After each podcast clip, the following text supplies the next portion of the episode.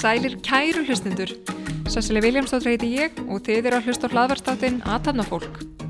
Í þættinum í dag tekjum við talveg Guðmund Hallgrímsson eða Munda Vonda eins og náttúrulega kallaður. Mundi er fættur árið 1987 og alin upp í Vestubænum og víðar.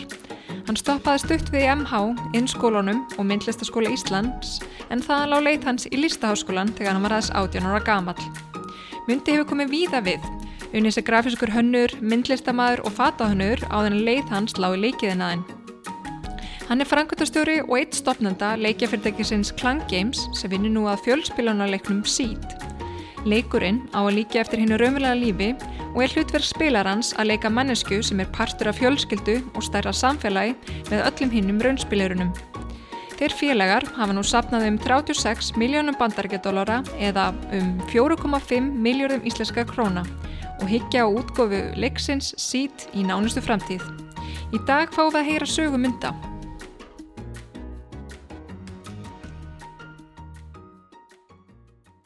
Sælmyndi og velkomin í þáttinn. Takk fyrir það. Henni, ég ætla bara að byrja á þessari óum flíjanlegur spurningu. Það er hérna myndi vondi. Hvað hann kemur það?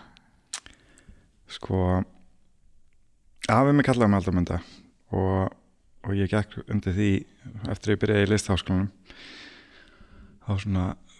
var ég búin að kynast ómörgum gummum til þess að vilja átt að kalla mig gumma og ég var líka nefnilega aldrei aðeins upp í Danmarku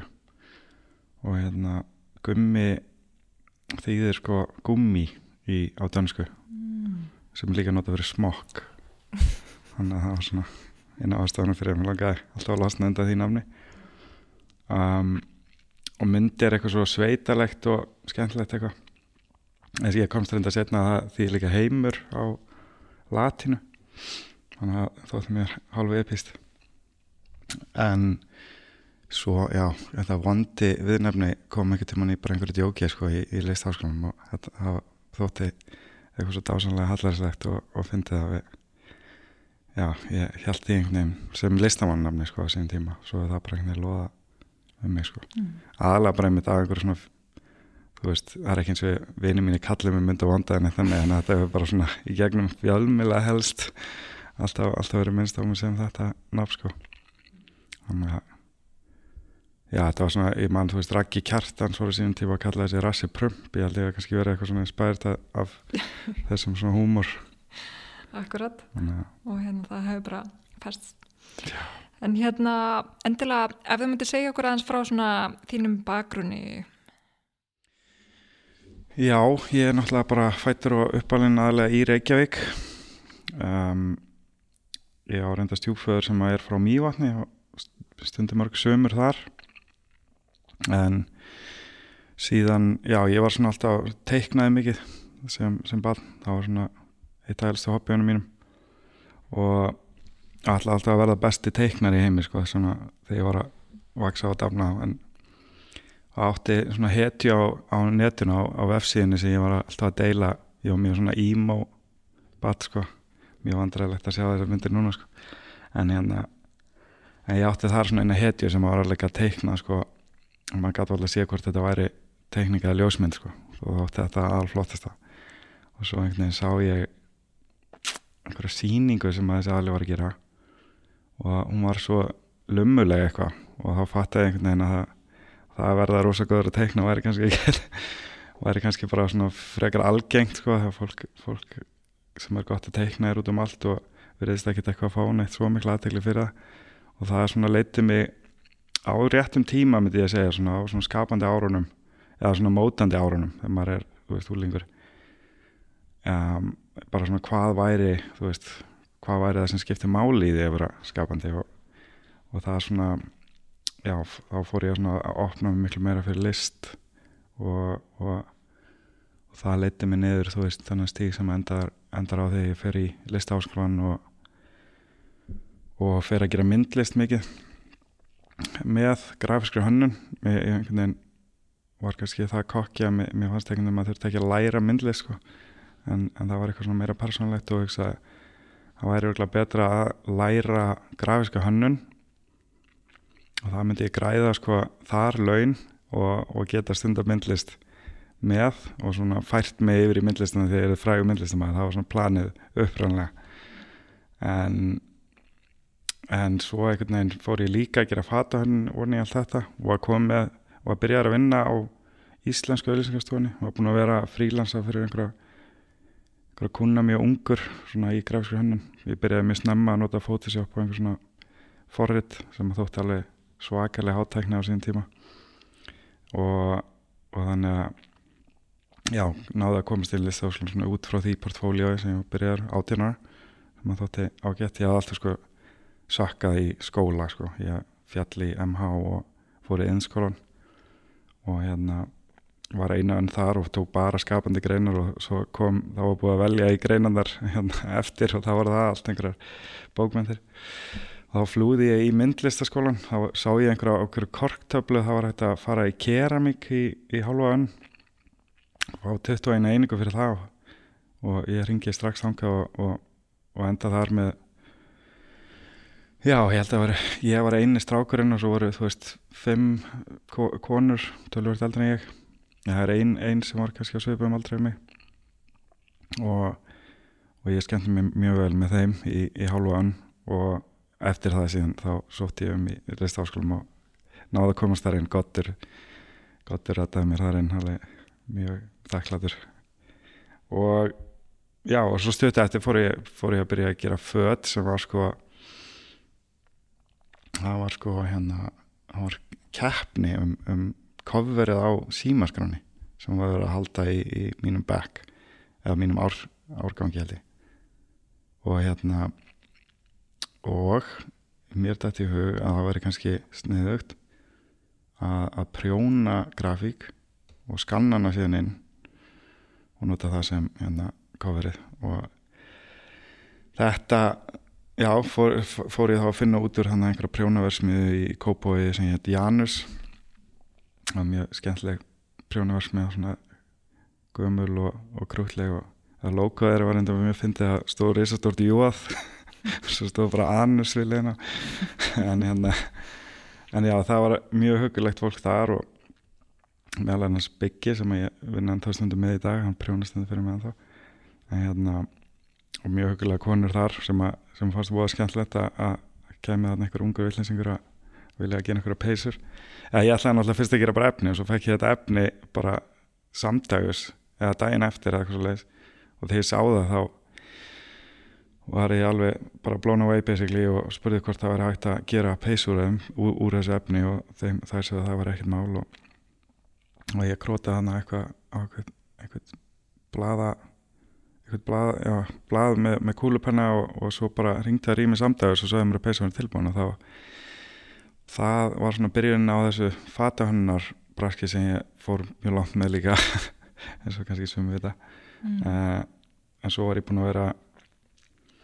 já, já en, þetta hérna, var svona kannski já. Já, akkurat, og hérna þú stopnar hérna fatamerki en það ekki, sem heitir þá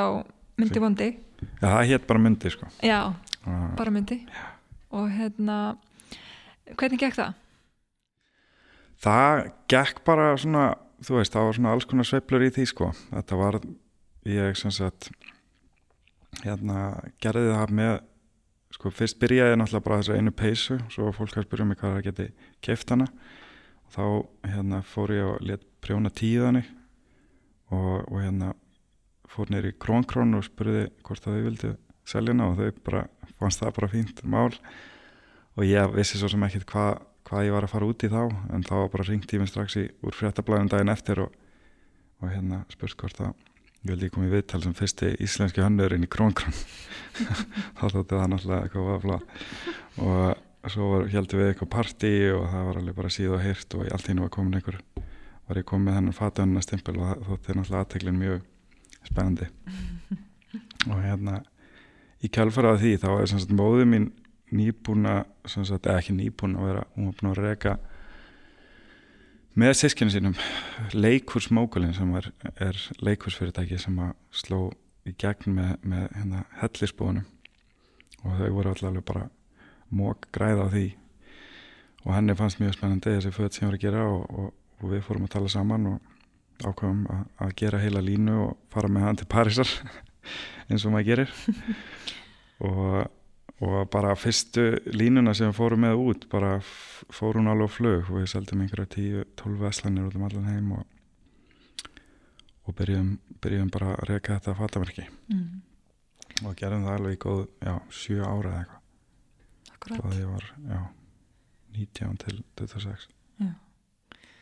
Og hérna getur aðeins svona líst þessum heimi fyrir okkur þið voru hann að byrja að selja í nokkra verslanir um allan heim og mjög ungur að árum. Já, já þetta, þetta er náttúrulega bara eins og maður getur ímynd sér. Tíska heimurinn er já, svona glæsilegur og hann er já hann getur verið svolítið sjálf og líka og, og ég held að það það verið sem að svona, fór svona naga mann í andan að þetta var svona fólk er svolítið vein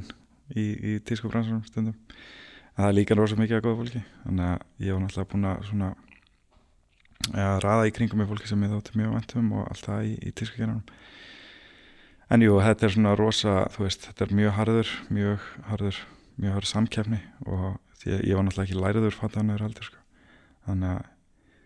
já, ég blandaði þessu allir saman og byrjaði að gera þú veist, kveikmyndir og, og þú veist, list svolítið svona í kringum þetta. Og ég held að það hefur verið hjálpaði mér svolítið að já, svona skín í gegnum kraði ekki, sko. Um, en já, svo er maður bara svo er þetta rosa kapplöp við tíman maður er náttúrulega, þú veist, þegar línamanns kemur í veslanir, þá er maður að sagt, mynda línuna sem er að koma eftir henni og er að hanna línuna sem er að koma eftir henni. Mm. þannig að þú ert alltaf á nákvæmlega færibandi. Og það er alveg já, það getur svona keirt alveg, keirt mann svolítið í en já, þannig að við, við þú veist, svona stundum náðum við, við náðum að byggja svona litla versmiðu í í, í hérna stúdíun okkar í, í poststræti og vorum að reyka þar vorum að reyka verslunna á lögaveginum og vorum komið með já, nokkra svona mjög solid verslanir og en þetta var samt alltaf alltaf bölva hark sko. Mm -hmm. þannig að ég einhvern veginn þú veist þegar það hefði alveg örgulega verið þú veist gaman eða, eða hefði svona farið að skila sér hans betur. En ég held að ég hafi bara ekki verið nógu mikil svona business gauðir á þeim tíma. Mm. þannig að þetta er náttúrulega rosa starfsvæði sem það er að hafa og bakveit allt. Passa að þú veist öll efni. Þú veist maður fór að hugsa sko, þú veist ég voru um panta gatn í gatni í Ítalíu og svo var það prjónað í Íslandi og svo var það saumað í, svo var það efni var það flóið til Íslands og þar gerum við prototífunar og svo voru þær flognar saumar til Tyrklands og aðra til Íslands aftur og þar voru framleitar þú prototípur betri og svo það allt flóið til Parísar og þar síndum við sjórumi og þetta voru, þú veist, á enda dagsins þá var maður bara að hugsa um alla, all, öll flugin sem þessi, þetta gatn var búið að fara. Þannig að það var líka náttúrulega veist, ég, við vildum alltaf reyna að gera þetta mjög náttúruvænt og notum, þú veist, ekkert polyester eða neitt þannig, sko, þetta var alltaf ull og svona náttúruvænt svo sem, en, en ekki nóg til þess að mann liði eitthvað sérstaklega vel með mm. og og hérna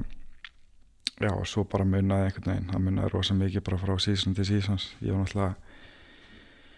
mjög svona óreglulegur hannur það var ekki, þú veist, það var ekki eins og næsta lína var eins og svo fyrri og fólk geti svona treyst á hvað það var að fá frá mér sko. þannig að ég var alltaf einhvern veginn að reinventa sko, hjóli í hverju einustu línu sem að kendi mér ósað mikið en þú veist, gerði það miklu erfiðar fyrir kunnan að vera það svona fasta kunni sko. Mm. ég vildi aldrei sko vera rammaður inn sko, vildi ekki festast sem einhvers konar ákveðin hannur heldur. Já, halda áfram að einhvern veginn bara surpræsa sko, sem að held ég hafi verið ástæðan fyrir að ég fekk rosa mikla aðtikli en það voru föðin líka mjög ekstrím. En svo náttúrulega er þetta business í andur dagsins mm -hmm. og ef þú ert ekki búin að mastera business liðina með skapandi liðinni þá, mæl, veist, þá er þetta ekki að fara að virka sko. mm -hmm. En hérna hvernig gekk að fjármagna þetta uh, æmyndýri eða þessa vegferð? Fatalína? Já. Það var náttúrulega, þú veist, þetta eins og ég segi, Pálva Hark og við vorum alltaf einhvern veginn bara að, þú veist, þetta að, að setja meiri penning í þetta svona stundum var að koma eitthvað pinkalítið tilbaka þetta var ekki meira minna í núli og, og aðeins undir sko. Þannig að það var ekki veist það er það sem að byrja að draga mann veist niður sko. Tingdin á, á rekstrinu sko. En en já, þú veist samt var, var þetta ótrúlega skemmtilegt Mhm. og, og þú veist ótrúlega gaman að sjá fólk í fötum sem maður er búin að búa til sko. Það var alltaf jafn rewarding Já, en náttúrulega ég, ég veit að þú ert komin í annan geira og allt það en, en, en ef þú myndir gera þetta eitthvað til mann aftur sko í rauninni hérna að stofna nýja hérna fatalínu, já, hvað myndir gera öðruvísi? ha, hvað myndi ég ekki gera öðruvísi Ah. ég myndi uh, þú veist ég til dæmis byrjaði eitthvað að skoða þá myndi daginn með einu vinn mínum og, og hérna og hann fór, þú veist, fór að byrjaði á reikningstæminu, sko, þú veist, hvað þetta að selja margar vörur og þú veist, fór að gera alls konar svona Excel-æfingar, sko, áður en að fara út í að framlega nokkuð skapaðan hlut, sko. Það er til dæmis mjög góð æfing. Við hérna við gerðum allt og lítið af því. Þú veist, við búin að gera allt og lítið af businessplanum þannig að það er alveg krúsjál að negla niður hverja krónu, sko þannig að það er nummer eitt svo myndi ég öruglega þú veist með út frá því svona fylgjast svolítið með hvaða hlutir eru að seljast vel og svona byggja á þeim svolítið. Passa að gera þá aftur í næstu línu eftir. Og, og halda áfram því sem að þú veist greinlega er að virka á kunnamanns og svolítið ná að svona já fylgja kunnanum sko hvert sem hann vil fara. En ekki vera of uh, já, ég veit ekki, eða þú veist, svo, svo að þú veist, það er kannski, það þarf rosa lítið, lítill partur af línun að vera eitthvað mjög skapandi til þess að, þú veist, náður að representa hönnun, sko. Það er rauninni, þú veist, bara örfást ekki sem að þurfa að vera eitthvað svo leiðis og svo er restin á bara að vera í rauninni, já, eitthvað svona það sem að var að virka í senstu línu pluss eitthvað, það sem alltaf pröfa að gera eitthvað nýtt. Og svo núna í dag náttúrulega allt öðruvís held ég er ekkert að sko fatamerki eru, þú veist, náttúrulega miklu meira farin að selja á netinu sem eru að opna mjög skemmtilega nýja breytir fyrir fatamerki út af því að hérna það sem er svo dýrt í þessu eru búðirna sko, þú veist, þegar maður er að selja í búð þá eru það að leggja vona á þetta alveg. Markvalda verði sem þú selur þeim á sko 2,5 yfirleitt sko upp í 3 alveg. Þreys og sinnum verði þannig að þannig að þú veist það er rosa svona blóðu sko, maður er kannski þú veist það maður er að selja þá flík á á hérna þú veist 35 skall eða eitthvað þú veist þá er maður að fá 10 skall í vasan og það, af því þarf maður að borga framleyslu sko, mm. og alla sendingarnar og markasendingina þannig að þú þarft að, þarft að fara í þetta með tölvun meira fjármagni heldur en við vorum með og, og byrja þetta svolítið svona rétt sko. Þá var ég held ég alveg leikilatri Ég ger hér stuttlið til að segja þið frá kostunaralum þáttarins. Fyrst má kynna til sögunar Öskju, þar sem hægt er að kaupa bíla frá Mercedes-Benz, Kia og Honda. Alls sjálfsögur eru rafbílamálið, ef ekki bara út frá umhverfsjónamiðum, heldur þá er mjög gaman að keira rafbíl. Hann er hljóðlátur, kröftugur og snarpur.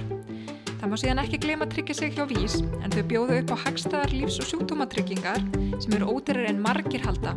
eiginlega á sama verð á bíaferð á mánuði. Ég siti hérna og les upp þessi skilabóð með eldteitt kaffi frá kaffi tárkafúsinu.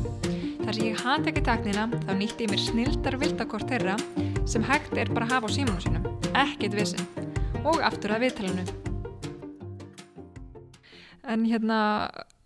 hvernig leiðist þú svo úr þessu inn í leikjabransan? Sko, mér langaði alltaf að gera leik ég, ég spila alltaf töluleiki og var alltaf svona fasinitar af þessum svona, þessum heimi uh, töluleiki heiminum og töluleikjum bara þessi svona, svona glugga inn í einhver, einhver, einhverja þrautir sem að, sem að ég búið að búið til. Og ég að ég, og sem bad sko þá var ég alltaf að ljúga því að ég hefði verið að spila einhverja rosalega leiki sem voru ekki til. Og, hérna komst einhvern veginn upp um mig með það. Vinnum mig var alveg brjálar en, en allavega þú veist ég hérna var, var svona mikið, mikið alltaf að teikna þú veist þrautir að gera þrautir og ekki teikna völundarhús og gera alveg endalveg völundarhús. Það var eitt af svona fólk hefði örgulega haldið að ég var eitthvað svona psycho-bad að teikna völundarhús. En hérna en já það, svona, það var eitthvað svona þrautafascination sem að mér langi alltaf að, að explora og svo þegar ég kynnist þess að Ívari Emilsinni sem er meðstofnandi minn í klæng uh, þá, þá byrjum við að ræða þessa hugmynd og erum að og svona, ég kem til, með, til hans með einhver, skjál sem ég hef búin að eða einhverjum nokkrum nætrum nóttum í að, í að skrifa. Og hann sér það og reisti bara hausin og segir þetta er, þetta er bara þú veist einhver djáflasýra og hérna en við svona út frá því ákveðum að þú veist byrja að plotta þú veist hvað hvað væri í rauninni svona framtíðin í, í leikjagerð og eittum ég man ekki hvað mörgum árum bara í svona þú veist einhverja svona þú veist einhverja krótæfingar uh, og bara hugmynda svona brainstorming mm. hérna Piti, hvaða eh, hvaða árið þetta? Sko þetta byrjar alveg bara þú veist þegar ég er 19 sem hefur verið hvað árið það Já, ok, þetta byrjar svo snamma Já, þú veist, þá kynist ég á Ívar Einhver sko. svona, grunn, Já, svona grunnpælingar. Já, bara mjög miklar grunnpælingar. Og og þú veist, þá voru við náttúrulega bara einhverju úlingar að segja var ekki cool að gera svona var ekki cool að gera hitt, sko. Og, og hérna en bara svona heldum þessu svolítið lengi við og svo svo kynist uh, kynist ég Otti sem að var að vinna með Ívari, þeir þekktist ákveðlega og, og hann var semst að vinna að hérna, bakhendanum á Ív og Ívar var náttúrulega að vinna hjá CCP og og já, ég byrjaði einhvern veginn að að tala við hann mikið um þetta og, og hérna og hann var einhvern veginn svona á sveipu reiki sko að hugsa um framtíð. Þú veist, náttúrulega það, það sem að Ív er á okkar mati er svona ákveðin framtíð töluleikja það eru allir spilarnir í sama heimi og þú veist, þú erum búin að sjá hvernig, þú veist, social networks og svoleiðis eru búin að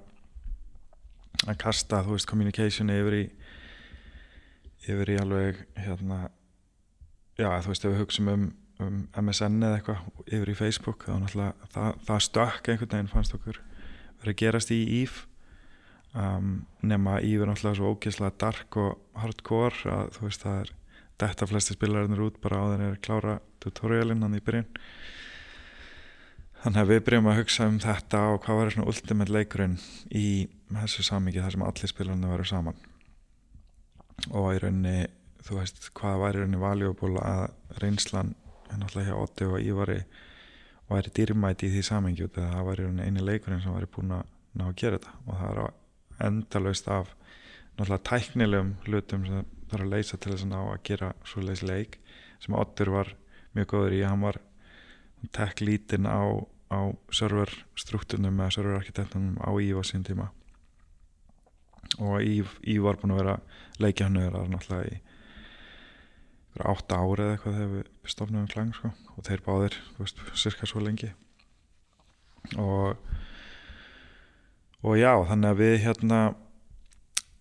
já, komum upp með þessa hugmynd að sem, sem sagt sít sem við erum að gera í dag og, og út frá þessum pælingum öllum og, og ákveðum að, að, að stofna þar að klangi í kringum þá hugmynd.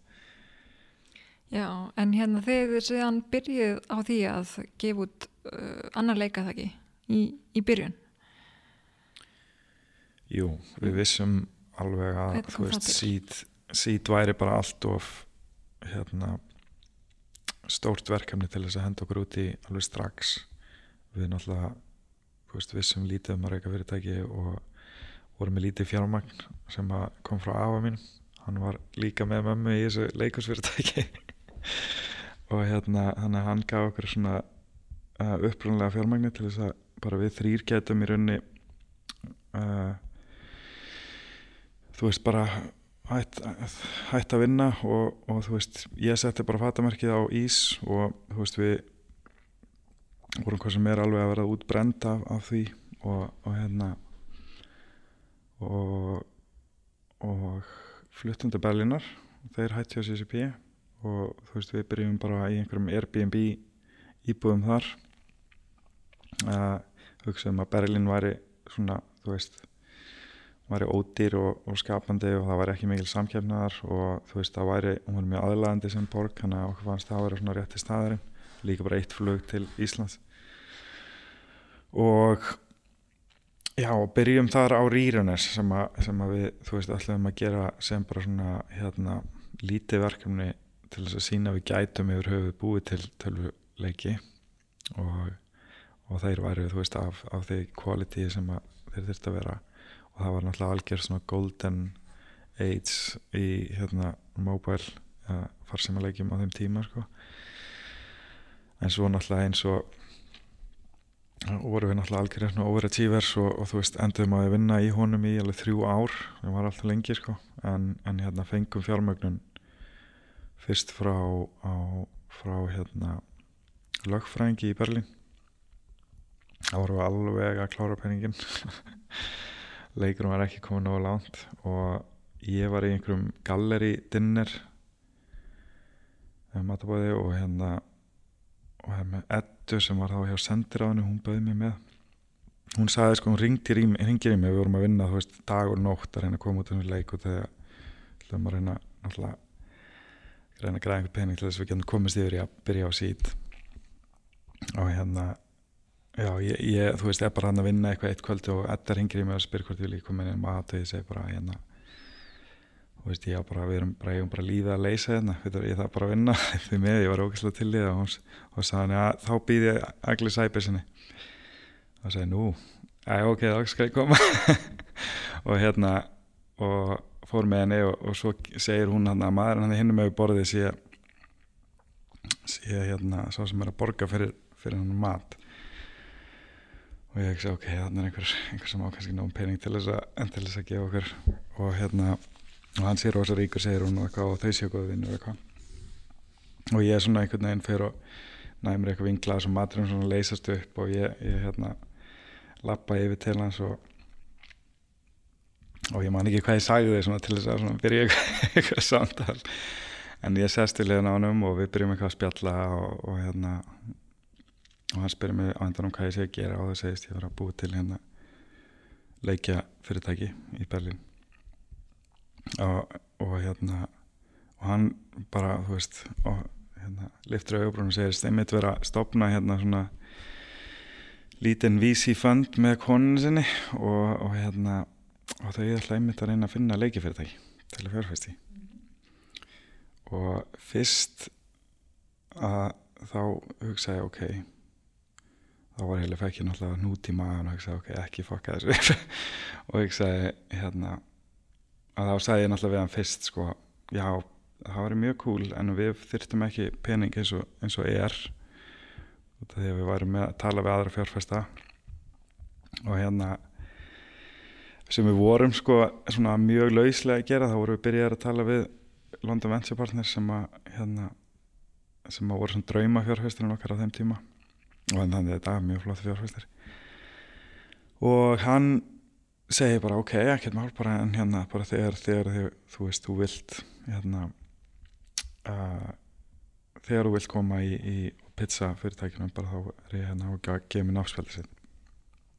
Og ég segi bara þakka fyrir og svo líða kannski tvær vikur eða eitthvað þá býður hann mér í 50 sammæli sitt, eða 50 sammæli konuna sinnar og, og hérna ég ég er náttúrulega slæð til og, og fer þangað. Og, og hérna við vorum náttúrulega bara vinnandi alltaf um, þú veist, fórum alltaf út úr húsi sko, þannig að ég, en við borðum alltaf á sama stað og ég, ég fór á bauð sko afgriðslastjólkunum sem var á staðinu sem voru alltaf að borða á með mér. Og mætti, og mætti við þannig og það var fín og, og hérna og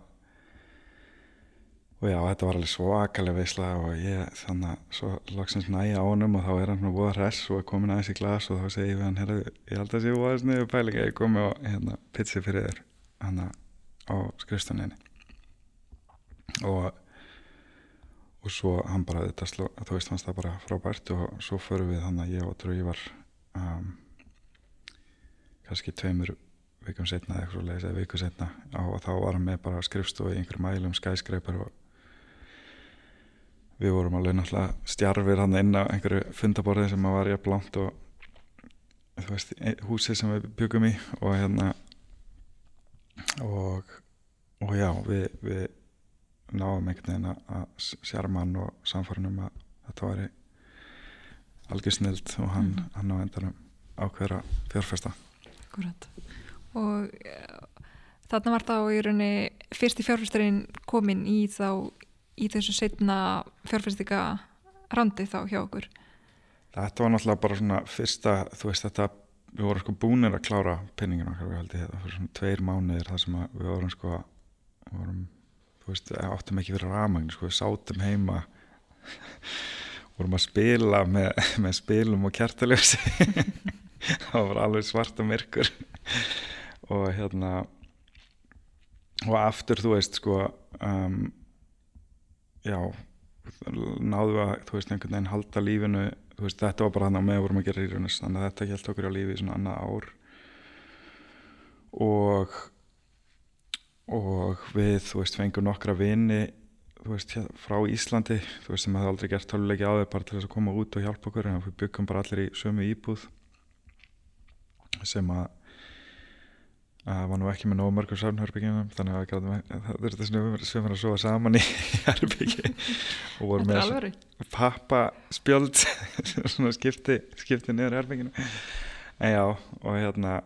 og aftur þú veist náðum einhvern veginn bara rétt að rætta okkur fyrir hotnið þar. Þá fengum við inn hérna uh, já LVP á endanum og hennan publisher á cirka sama tíma og þá náðum við að, að þú veist ráða nokkra í viðbót og leiða skrifstof úp, þannig kom kristalsrófið og hérna og leiða skrifstofu og, og þú veist fórum upp í kannski svona 10-15 manns eða eitthvað. Og við náttúrulega sko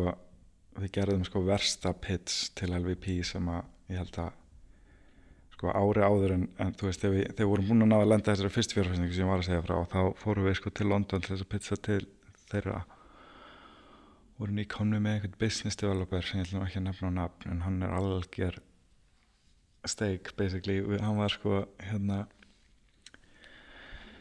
hann, við fórum hann að þá voru LVP ekki með skrifstofu, það voru að flytja skrifstofu eitthvað og fórum og þeir voru að fá, fá herbyggi hjá Dawn Capital sem eru í London og, og þeir voru í einhverjum kjallara sem voru ógæslega heitur. Og og hérna og hérna þessi aðali var semst, í lópapeysu og við mættum hana inn. Þeir sátt í svona sófa og við hérna vorum með leikin á iPad tengt á við sjónvarp og ætlum að sína um leikin og þetta er svona eins og Mario þú veist, maður er svona í kapp nema Mario nema maður er í kapplöpi við hérna sko hérna spilarana og það er svona grefja í, í borðinu sem að sem að við vorum að spila og hann, það byrjar þarna með svo eitthvað svona flugeldar svona go, eitthvað hérna borðið og hann hle- hleyp beint onni þess að fyrstu grefju og deyr og þú veist það er að byrja upp á nýtt. Og við bara, oh shit. Eitthvað, og svo gerir hann þetta aftur. Nema svo gerir hann þetta svona tíu sinnum og hann er að svitna sko á sama tíma. og er allt byrjar að skjálfa það er að drjúpa svitin af andlutin á honum á iPadin og er svona að leka niður. Og hann hoppa bara aftur og aftur og hann í þessa grifi og það lítur bara út fyrir að leikurinn sé bara brotin eða eitthvað og svo skjálfandi réttir hann mér iPadin og ég tek við, við honum og gerir sömu mistökin. Hoppa hann í þessa grifi líka og þeir náttúrulega bara, þú veist, þeir allir farnir bara að geispa gólunni sko, þannig að fjárhverðinir og við erum allir náttúrulega eins og einhver algjörði kjánar. Svo reyndar næja eitthvað loksins að hoppa yfir hérna þessa grifi og klára borðið og,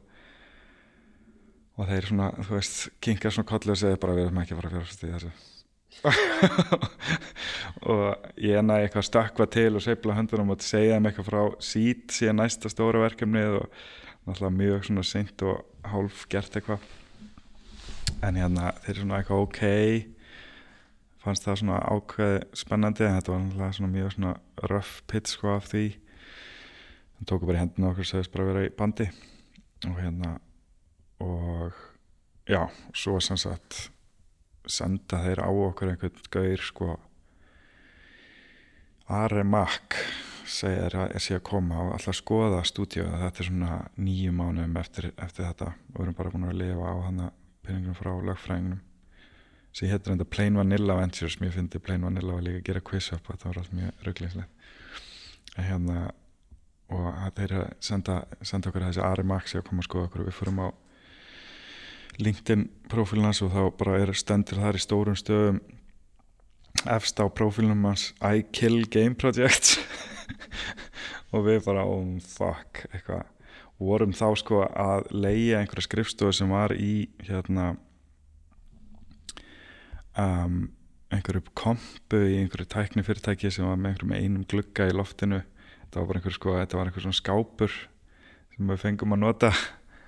Og hérna, og hann kemur hérna og skoða þetta, hann, hann var reyndar alveg voða ljúur en við vissum alveg, hann spurði mér svona beittar spurningar. Og það sagði bara ok. Og spurði hvort við ætlum að GTC og hérna og GTC var að koma upp sem hérna Game Developers Conference í San Francisco eitt af aðal svona industry konferensunum og, og hérna og við þetta, þú veist, segjum já við því voru nú ekki búin að áttu nú ekki beint að efna því að fara. En hérna ákveðum að Otter ætti að fara að hann var búin að finna einhvern vinsinn sem átti sofa sem hann geti krasað á í Francisco. Við man ekki hvaða þú veist, sex tenginga ræjan er fjaskoflugan tókanga út sko en, en svo hérna senast segja LVP okkur að fara að þú veist að hérna, hann þurfa að fara að funda hann upp í Singa sem að var að gera farmvil og einhverjum leiki sem að þá þekkir hann David Gartner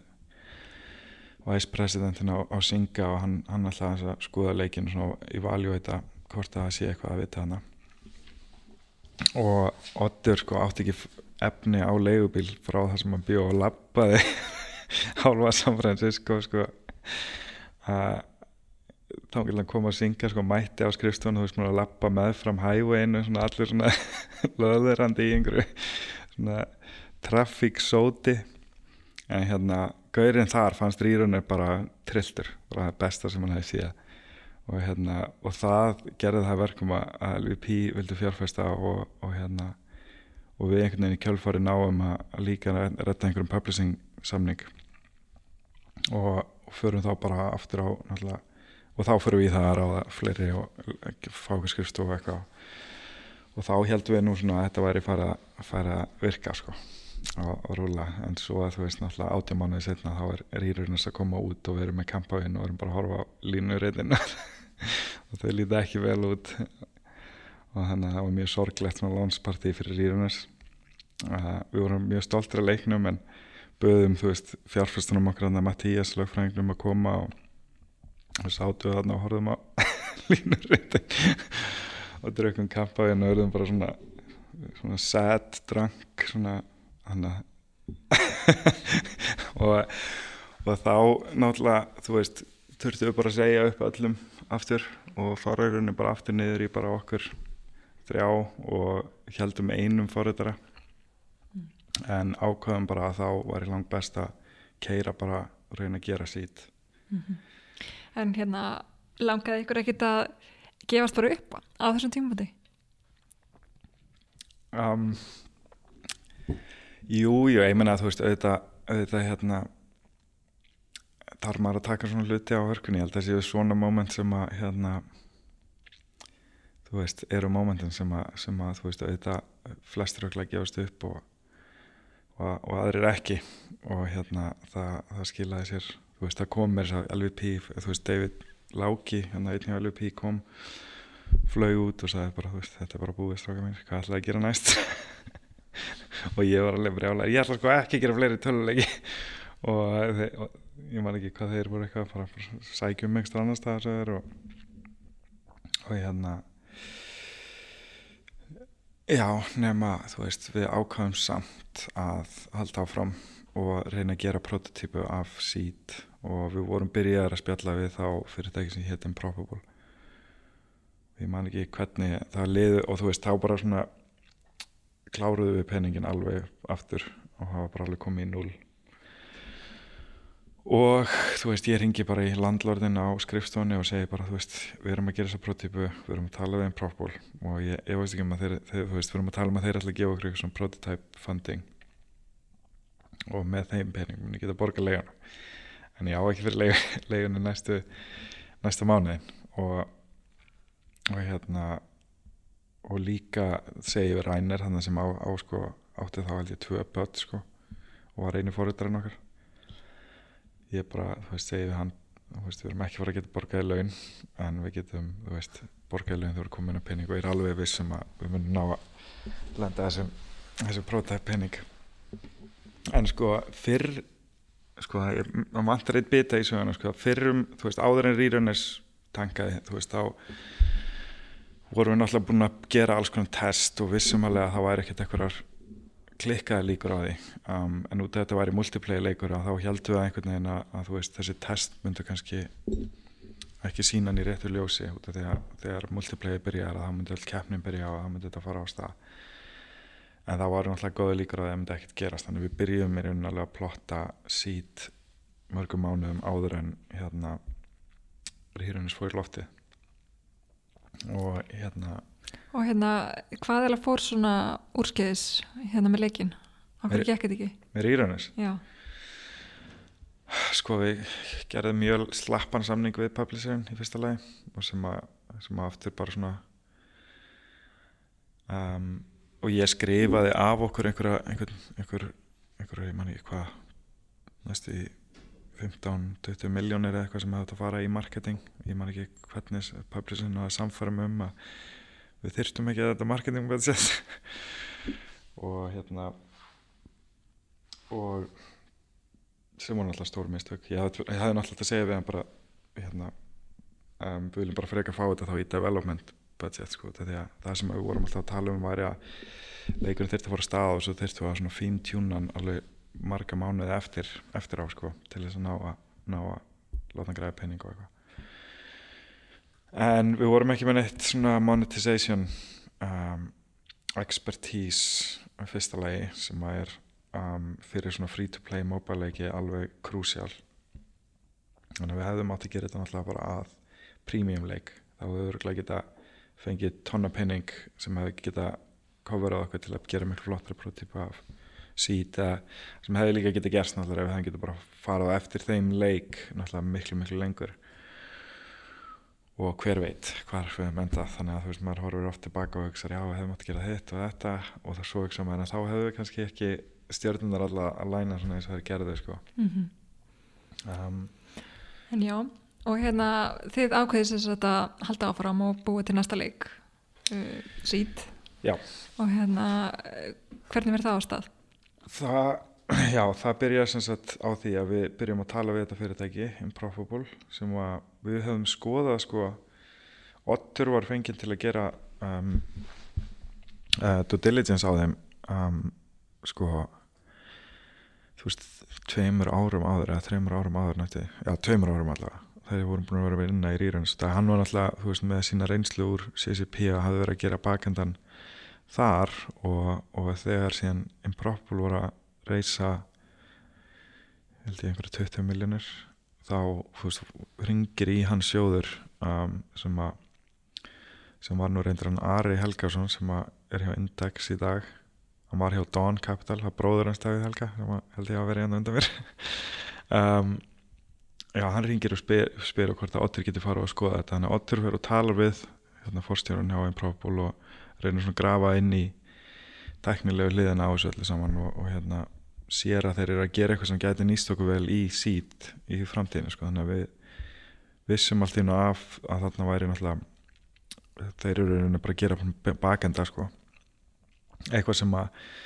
sem að Otti hafi rauninni dreymt að gera sjálfur sko. en, en sá þarna tækifari kannski að, að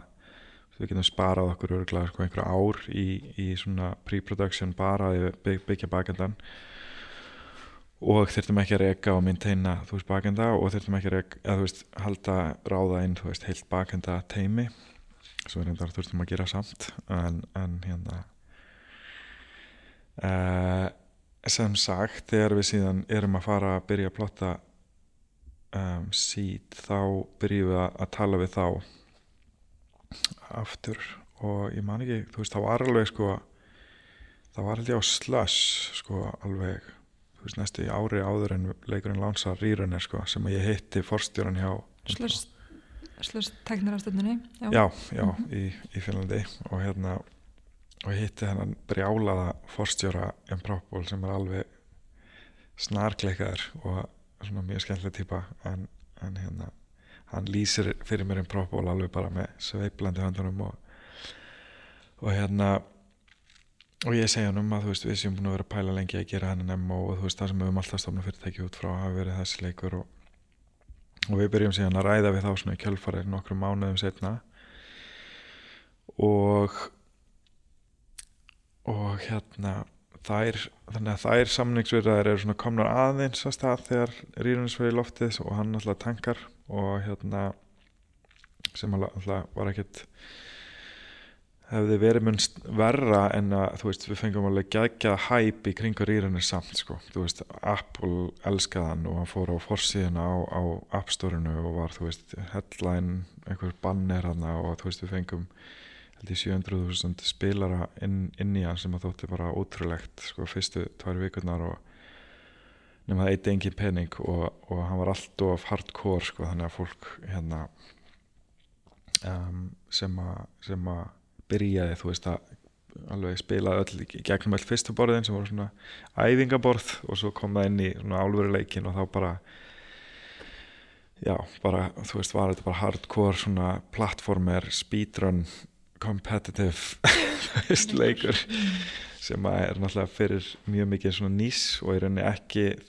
þekkt á móbæl uh, ég heldur en þú veist ég held að sé hefur verið hellings, hellingur hægt að gera með hann eða við höfum haldið áfram að reyna að fín tjúna sko, bara rampa hann upp svona þess en allavega, það gerur það ekki. Og það er publishin droppaði bara okkur strax og þeir sáu að það var ekki að ganga nú vel til láns, eða þú veist hvað, hvað var það? Peninga á retention og þá náttúrulega bara, þú veist, tók við fund og þurftum að segja allum upp. Um, og og hérna fólk fekk nú samt einhver bref sko hjá okkur þú veist sem að, sem að þú veist hafi verið að vinna launalist og eitthvað uh, áður fyrr. Og svo kláru við peningin og svo fyrir við að gera þessi prototípu bara í raunni á meðan ég er að reyna að semja við um Profable um að fá fá hérna þetta prototype funding. Um, sumarið áður þá hafði ég verið í matabóði hjá hérna Oliver Luckett sem var hérna einhver ríkur gauður hérna á Íslandi og var að reyna að fá hann til að fjárfesta. Út af ég var alveg mjög desperate. Uh, ekki það endilega hann sé eitthvað. Uh, bad choice, ég veit og sem ekkert hvernig er að vinna með hann sem fjárfæsti en hérna hann, þú veist, seg, bara segi nei og hérna en, en ég geti svo sem hérna verið setið eftir og farið, verið með hann í matabóði sem hann er að halda hann um kvöldi þegar hann bjóð hann í, í gamla kjærvalshúsinu og ég bara segi já, ok. Og, og, og, og kemur Björk og með dóttur sína og Lawrence Lessig hérna sem er Harvard lögfræðiprofessori hann í matinn. Og ég sitt við hliðinu honum og þetta var eitthvað svona, þau ætlaði að fara að horfa á eitthvað svona drag race, eitthvað competitive show, eitthvað, hvað heitir það? Veistu hvað heitir, nei. En hérna á, áður en maturinn byrjar þá er dóttirinn að bjargar að mála mig með svona rosa flamboyant hérna andliðsmálingu sem ég þátt náttúrulega bara að fyndið og, og hérna Um, og svo byrja maturinn og, og, hérna, og ég við lina á þessum prófessor úr Harvard og þú veist byrja að segja honum frá, frá hugmyndinni sko. og hann hérna bara veist, líst svona svaka vel á sít og segir að fyrir að tala um hvernig við ætlum að hvort, hvort við séum að pæla nú mikið í veist, pólitísku liðina og hvernig hvað var hægt að gera með þú veist pólitík í þessu og, og hérna ég segi bara já, ég menna það, það er eitthvað sem við erum búin að velta okkur fyrir en svo sem ekkert hérna búinur að að krifja alveg nógu mikið og, og hann tekið það mjög smöndi partur af þessu og spyr hvort að ég geti hitt sig í kaffi bara vikuna eða þú veist í vikunni og, og ég gerir það. Uh, ég fatt að það er reyndar hérna eftir, eftir ég er búin að tala við hann og fer inn og baða alveg bara með stjörnunar í augunum uh, af spenningi. Og hérna og var síðan að þó mér um hendurnar og, og þá sé ég að ég er búin að vera með hann að dragreis málinguna í andlutinu allan tíma ég er búin að tala við hann. En þá þóttum ég nú bara samt mjög, mjög svona cool að hann hafði ekki látið það einhvern veginn hérna hafa áhrif á sig. Um, og heita og heldur kannski en, en hérna kannski að bara hjálpa? Já, mögulega. Og hérna svo, svo hitt ég hann í kaffi og, og hann bara segir að hann sé bara algjörlega sóld á þetta og, og, og ég, ég hann ætlaði að kynna mig fyrir hérna uh, Reed Hoffman og Joey Ito. Já, og náttúrulega Rít Hoffmann er hérna Já. stofnandi LinkedIn. Já, hérna, hérna samfélags viðla já, vinnu, vinnu samfélagsmynda já, einmitt. Og seldi það nú held ég fyrir 23 miljardar bandaríkjadalara til Microsoft. Akkurat. Og hann á alveg nógum penning og ég hugsaði já, einmitt einmitt það, hann sé fyrir að kynna mig fyrir Reed Hoffman alveg bara finnst það mjög svona ótrúverðugt og, og hérna, og Joe Ito sem er þá sko hérna sem sagt direktorinn yfir MIT Media Lab sem er þú veist svona tækniliðin á MIT sem að er, er held ég eitt frægasti svona hérna háskóli hvað það varðar í bandaríkunum og ég bara já, ég mitt einhverju ég finnst það samt bara mjög svona spennandi bara, jú, jú, svo sem he- he- með opin huga og hérna og svo, þú veist, getum við spóla aftur áfram og þá við að reyna að vinna í þessari prototípu við engan pening eftir og ég er að betla leigusalun um, um að kikka okkur ekki út eða, og rukka okkur ekki helst. Og, og hérna og hann Rænir sem var þá forrættarinn okkar að að hérna að hann sko já, haldi áfram að, að vinna fyrir okkur að, og þá launalaust. Og hann er að segja við mig þú veist, ég meina hvað ég gera? Ég er með, með tvö börn heima og eitthvað. Þetta var mjög stressandi. Og og það líður bara þú veist, það líður bara á mánuður þú veist, þrír mánuður eða eitthvað sem að, þú veist, ég er í samningsröður við Improbable og það er ekki að ganga út af því að þeir eru svo harðir. Og bara törminni að þeim eru bara út í hött og ég vissi það bara ef ég myndi skrifa undir hann samninga þá þú veist myndi verkefni aldrei verða þú veist að veruleika út að þetta væri það sko ambitious þetta verkefni að þú veist það mætti ekki vera einhver svona púkalegu samningur hann í byrjun. Það þá myndi allir náttúrulega bara stíga frá sko og, og hérna nema hvað við fljúum hann til London og, og þú veist á seinstu peningurum og höldum einhverja endalösa fundi með þeim og og ekkert einhvern veginn gengur og svo loksins eitthvað að koma þér með einhvern samning sem var svo sem sko hann var alveg hrikalegur sko og, og hérna en, en svona þeir eru búin svona aðeins að stíga tilbaka. Og hérna og ég, ég man ekki það þú veist þetta var svona, þú veist það var að koma jólafríði var að byrja, þetta var í desember. Og og ég held að desember 2016 og það er að snjóa úti og þú veist við erum með þess að reysa skrifstofu alltaf annað leikifæri að deilinni með okkur en þeir hættu við. Þeir enda borguðu leiguna í staðinn fyrir okkur. Í, eða þú veist borguðu helmingina leigunni sko í einhver tíma sem að gafa okkur eitthvað smá vasabæning. Og hérna og það er að snjóa úti ég gleymis aldrei. Og hérna og, og það, er, að- það, veist, það er bara þú veist, ég, ég var óttur á skrifstofni þannig að allir bara horfa honi honi þumlan á okkur og ég, veist, það er þetta það er þetta term sheet hann á borðinu og ég, ég bara svona er að hugsa, þú veist, ég er með pennan í höndinni sko, og er að hugsa bara hvort ég er búin að gera allt og hérna og hér er ruggla, ég er fyrst sko, fyrst nefnilega, ok, ég þurfum að spóla aðeins tilbaka aftur, sem sagt, það sem gerist er að, er að Lawrence Lessig hafði náttúrulega kynnt mig, síðan sendir mér introduction e-mail á Joey Ito sem ég minnist að þarna áðan og, og hérna og mér er bóða á fund með honum í Milán þú veist, eitthvað bara svona í november þú veist, 16. november klukkan 9 á þessu hóteli. Og þú veist, ég er bara eitthvað að fæ það bara frá sko assistantinum hjá honum. Og ég segi við Ótta, ég var bara, þú veist, hvað á ég að fara? Þú veist, til Milán, ég þekki ekki innan gauðir, þú veist. En ákveða að gera það náttúrulega, þú veist, þetta var bara eitt af svona, þú veist, við vorum bara vonað besta. Og ég feð til Milán og hitt hann og pizza fyrir honum þar, veist sem að ég hérna bara pizzaði fyrir, þú veist eins og þetta líðu að leysa og hún er bara leist rosa vel á en ég segi við hann að þú veist ég sé að gera þetta prototype, hérna við erum að reyna að fá þetta prototype funding frá, frá Improbable og hvort að þú veist, þegar við erum búin að fá það að þá getum við, þú veist, verið með prototype og að reysa, þú veist, Series A sem voru ekki að fá hann með í. Og hann er bara rosa spendur og finnst það bara alveg ekki að og hérna og sé bara til ég að tala við mig hvernig sem er og eitthvað. Og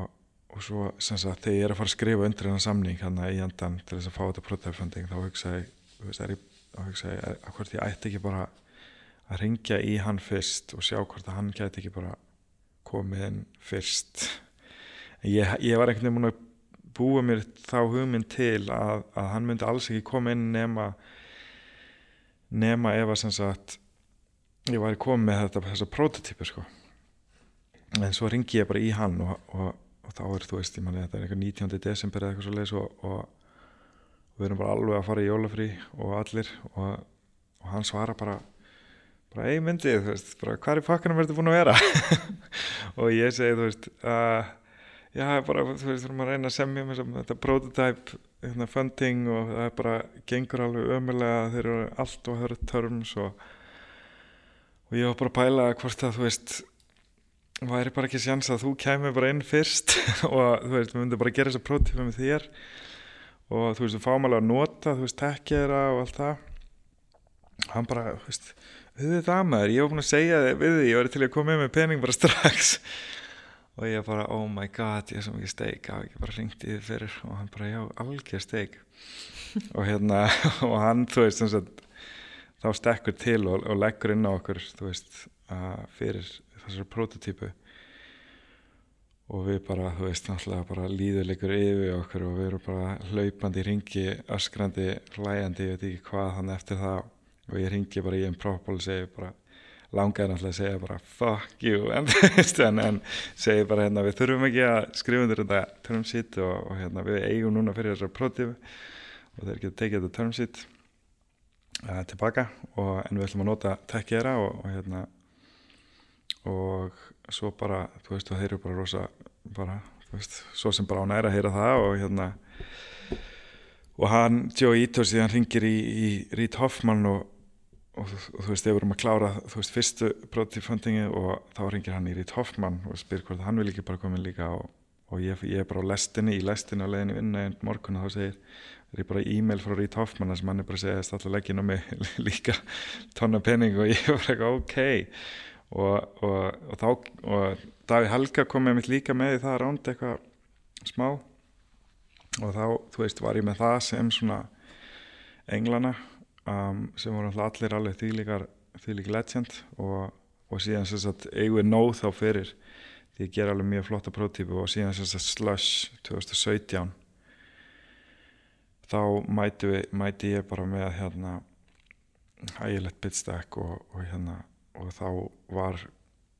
voru svo margir æstir fjársvæstir að komast inn í að veist, við, við kannum bara valið hverjir fengi að taka þátt í rándir mm -hmm. Og er ástæðverð því er það bara úti að leikurinn hérna leit mjög vel út eða líka þér úti því að þið höfðu þessa flottu engla með okkur Já, höfðum, bara... já það var bæðið það veist, það var bæðið að leikurinn var svona þú veist, það var svona hægt að sjá að við værim ekkert að þú veist, þetta væri ekki bara eitthvað vaporware, þú veist, við kynnum að búið til leiki og svona fatta svolítið svona hvernig þetta myndi lúka á eitthvað, þannig að maður fekk svona einsýn inn í, þú veist, framtíðina. Og svo sem sagt um sömarið hafði ég um, hitt Makersfund sem var mjög flottur uh, sjóður frá, frá Kína um, sem að hérna er svona leikja specific og þeim fannst þetta mjög cool þannig að þeir voru svona, þú veist, að loða við okkur. Og, og hérna sögðist verið tilbúinur að, að líta rándi og við þettum, þú veist, skoða hvort við getum fengið fleiri með. Og þegar ég fer síðan áslags, þú veist, með þá bæði svona búinur að komitta líka við, sko, og vera með, þú veist, var alveg mjög með pizza, þetta var þá þriðja slassi, sko, sem ég var að pizza þessu sama dekki og var búin að raffinera það mjög oft og æfa það alveg mjög vel og, og gæti alveg bara svona þú veist, seamlessly tala í gegna það vissi nákvæmlega hvaða slæta kemur eftir hvaða næstu. Og alveg bara svona ég held að þú veist þegar fjárfæstar veist, er- sem er náttúrulega að vinna við það er að finna eitthvað sem er með eitthvað smá kjöt á beinunum sem er með eitthvað credibility og er með eitthvað nógu stóru þú veist potential upside þú veist þetta var það svona svona stóra sín sem getur verið mjög stort já, Akkurat. þeir eru að leita að þú veist Mhm. 100 að 1000 x þú veist fjármagninu sem þeir eru að koma inn og þannig að það svona held ég hafi verið ástæðan fyrir að það voru allir í. Og þú veist og hérna hvað uh, hvað tókuðu inn mikið pening hérna þá tókum við inn alveg 5 miljón eurur í því rándi sko. Já. þá vorum við búin að taka inn við tókum inn þú veist 900.000 uh, með Eid og Rít Hoffmann og Davíð Helga og og það var svona það sem að koma okkur í gegnum þetta ár þannig að fyrsta árið eða, það, þú veist, og þá náðu að borga náttúrulega upp leiguna og mm launin og allt það sko. já, og, já, og, og þarna komin loksins með pening í rauninni til að fara að búa til leikin en, Já. En, hérna, en eins og fyrir þig svona skapandi mannsku sem er búið verið í listum og fata hennu náður og svo ertu komin í allt annan geira sem er að vísa alltaf mjög skapandi líka en alltaf þú ert komin með þannan hérna með þannan forstjóra business hatt á þig að hérna sækja hundriði miljóna króna í, í, í fyrirtæki hvernig svona, þú veist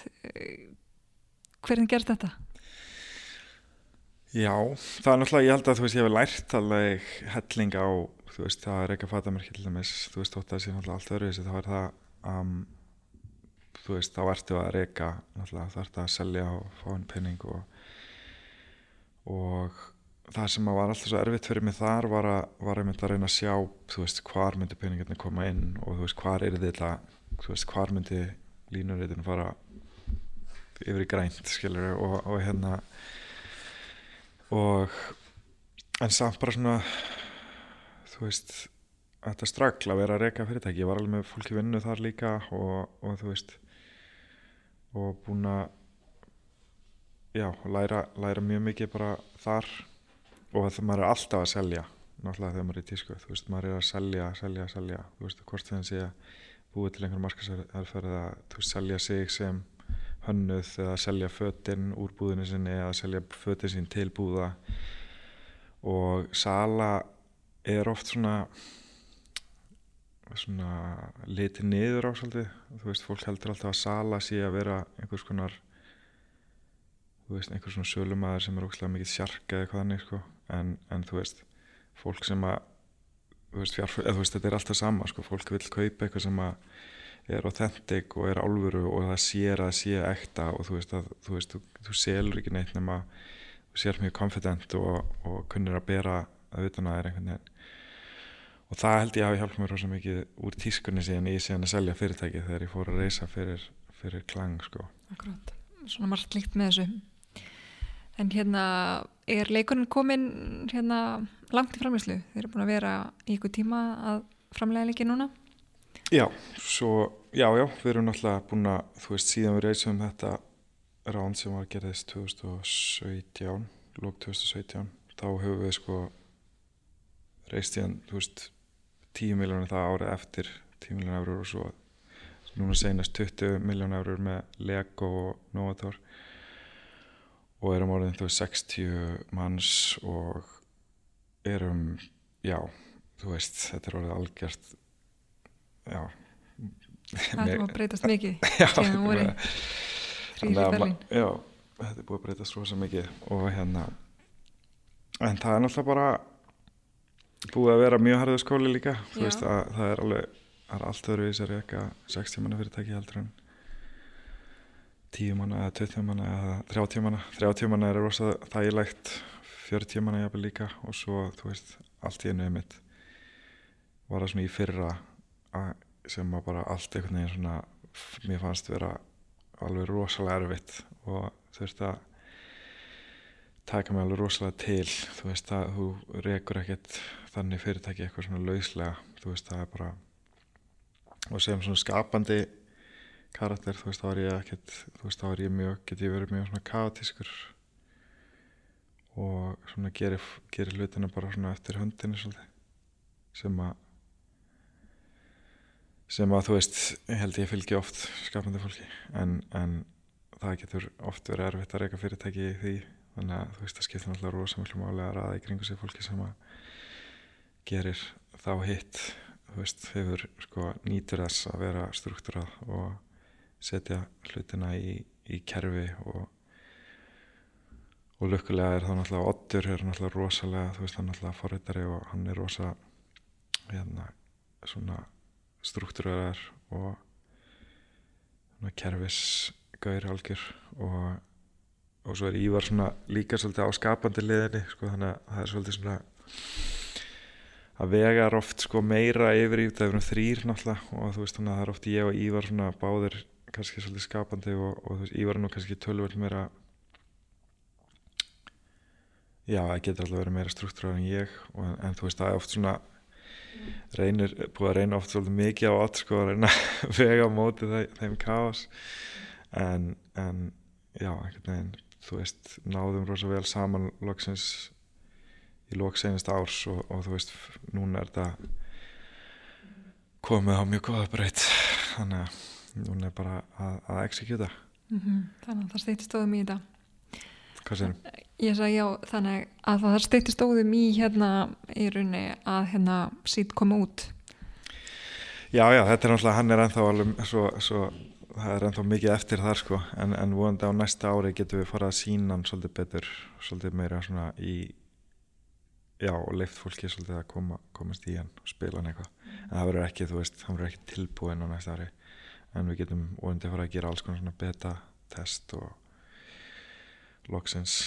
þá verður hann hann 5 ára held ég, eða þú veist síðan 2016 En hérna þannig að þið eru búin að, sagt, að reysa um í rauninni næstum 40 miljónir bandrækjadóla alveg hellinga pening og hérna og, og náttúrulega leikur ekki eins og í rauninni komin út þú veist það eru hérna maður ma bara spesir sko hvernig fer maður að þessu sko? Já, já. Að ég minna að það sem að ég held að að fyrir okkur þú veist þannig að eittu við mörgum árum í þessu hugmynd árum við byrjum fyrirtækið og og ég held að fjárfæst að sjáu þú veist í okkur passionið þú veist og það er rosa sekundari þú veist við tölum aldrei um peninga einu sinni þegar ég er að pizza þú veist ég tala í rauninu bara um visionið og hugmyndina hvað hann geta árið stór og þú veist það er rauninu ég held að það sé þú veist og fólk sér bara það að þú veist við allir fántirarnir erum alveg bara með það á reynu að getum, að við getum gert þetta í fyrsta lagi og að ef okkur tekst þetta þá er þetta mjög stórt. Og, og hérna og í leikja gerum þá er, er þú veist 40 miljónir er rosa mikið fyrir náttúrulega leikja fyrirtæki svona nýtt þú veist leikja fyrirtæki en, en þú veist það er náttúrulega verið að eigða veist, 100 miljóna í leiki yfir höfuð sko. Þannig að þetta er náttúrulega og veist þetta er náttúrulega rosa vel að sé vikið út af því að við höfum í rauninni ekki grætnin að tekja hinga til. En fjárfestum langar rosa mikið að komast inn í leikækjana og þú veist fyrirtæki sem er að byrja að græða penning verða það strax bara þú veist svo dýr að þú veist farið rosa lítið fyrir fjárfestinguna eina. Þannig að þú veist það það er svolítið það sem ég er að tala um sko stjórnunar að læna að þú veist fjárfæstar er að leita grimt af fyrirtækinn sem geta komist inn í eru nógu tröstveruleg og, og geta, þú veist er að delivera einhverju nógu stóru um, en já, þú veist það, það er samt held ég bara, þú veist, einmitt þetta var eitthvað svona, þú veist, ég með búin að ná að mastra þessa sölumennsku þú veist, með þessa hugmynd sem að er búin að vera svona lengi í myndun sem að, þú veist, á mínu mati er mjög skemmtilega og spennandi og ekki bara þú veist sem eitthvað sem maður getur grætt peninga og heldur líka eitthvað sem maður væri bara útrúlega stórt fyrirbæri um, og, og svo þú veist ottur með sinn tæknilega bakgrunn að geta executa þú veist einhverju sem er náttúrulega bara tæknilegt undur líka við. Og, og þú veist Ívar sem þú veist er búin að vera í Íf og hanna þú veist leik sem að byggir á því að allir spilarnir séu saman í í heiminum. Þannig að það er svolítið svona þetta Triforce sem að ég held að fólk hafi séð. Allt koma saman. Þetta líti mjög vel út já, þetta líti mjög vel út hjá okkur þannig að ég laka til að sjá þetta en hérna finnir svona fyrir einhverju pressu. Núna náttúrulega það er búið að leggja heilmikið peninga í þetta og, og það þarf að fara til yfira Já. Um, Nei, nei, ég finna enga pressu. Þetta er bara rosa rólegt Nei, tjók Jú, jú, þetta. Um, Hann alltaf Það er samt bara skiptir rosa miklu máli að þú veist láta, láta hann ekki bauða sig sko og munna það að og þú veist ég, það sem að, það sem að leifi mér að anda léttar er bara að ég hef svo miklu trú á því sem við erum að gera. Og þú veist ég, ég veit að einstin í hjartuna og mun takast að gera eitthvað magnað úr þessu. Og, og þú veist það sem að það sem ég mynda mér alltaf að, að þú veist það er þá miklu betra að þetta sé eitthvað glorious disaster frekar en eitthvað svona sem að deyir út eitthvað hægt og rólega og við lánsum einhverju svona hálf kláruðu eða hálf bökuðu sko. Þannig að ég er alltaf bara vill fara sem allra allra hæst með þetta. Og og einhvern veginn efast ekki um að okkur mun takast það og, og gera eitthvað mjög mjög merkilegt. Algjörlega. Herðu, við skulum bara láta þetta vera loka orðin í dag og bara takk hjá fyrir komuna. Takk fyrir mig vilt heyra fleiri sugur af aðtapnafólki þá hveti þið til að íta á subscribe-knappin á hlavarspeitunni þinni og fylgja okkur á samfélagsmiðlum. Ekki missa næsta þætti.